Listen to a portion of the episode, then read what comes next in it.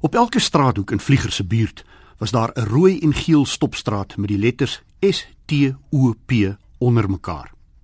Die strate was reguit en skoon. Op die sypaadjies was daar bome wat jare vroeër geplant is, maar nooit so hoog soos die telefoonpale geword het nie.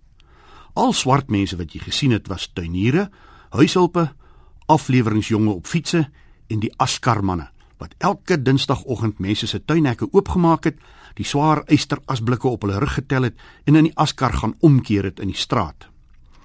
Die buurt onder die koppie waarteen vlieger opgestap het, was anders. Die huise se vensters was groter en die dakke was van teëls of selfs plat.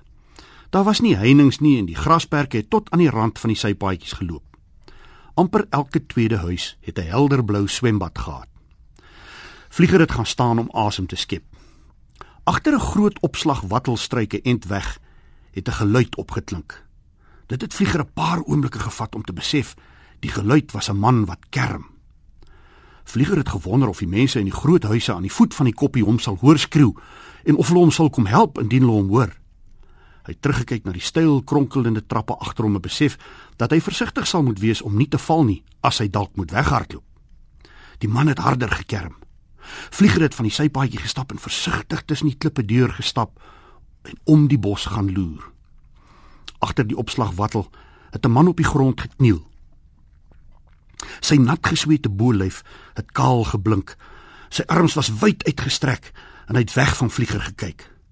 Op die grond langs hom was daar 'n swart Bybel. Tussen die rotse voor hom was 'n kruis van watteltakke.